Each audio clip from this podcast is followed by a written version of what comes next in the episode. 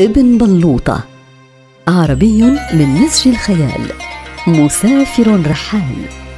جال أقطار العربان. يجمع قصص تلك البلدان. يجلس في المقهى ويمضي وقته يروي للساهرين حوله قصة من أقاصيصه. فمن عرف من السامعين المعاني المخبأة بين سطورها نال منه هدية قيمة.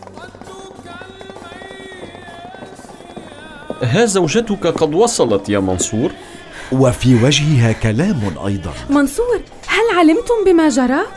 وماذا جرى يا زوجتي؟ لقد دخل إلى الحي متسول شحاب يسأل عن صدقة فوصلا إلى باب العنبرية. قرع الباب ففتحت له.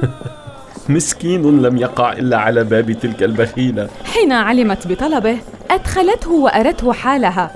المسكين أعتقد أنها فقيرة بائسة. فأعطاها نصف ما جمع من القرى المجاورة. السلام عليكم. وعليكم السلام. هل علمت بما جرى مع العنبرية؟ وصلني الخبر. منذ زمن بعيد قبل أن مات زوج العنبرية ولعله مات جوعا. استفاقت في ليلة من ليالي الشتاء على وقع أقدام داخل البيت.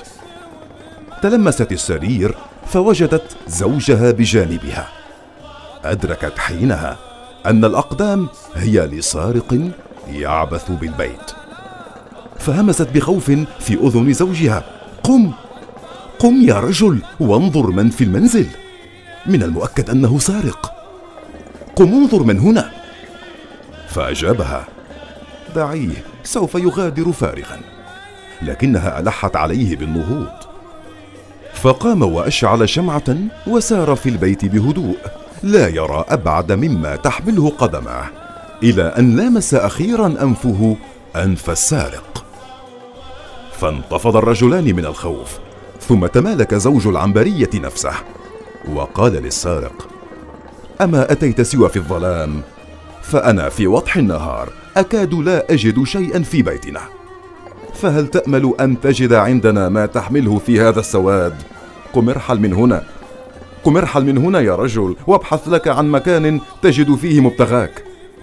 ولشدة تعجب السارق نسي لديهم حقيبته وكان فيها من المال ما ارضى العنبرية.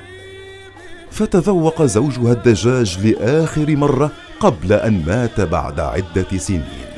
وبقيت منذ ذلك الحين تنصب الناس وتكدس المال.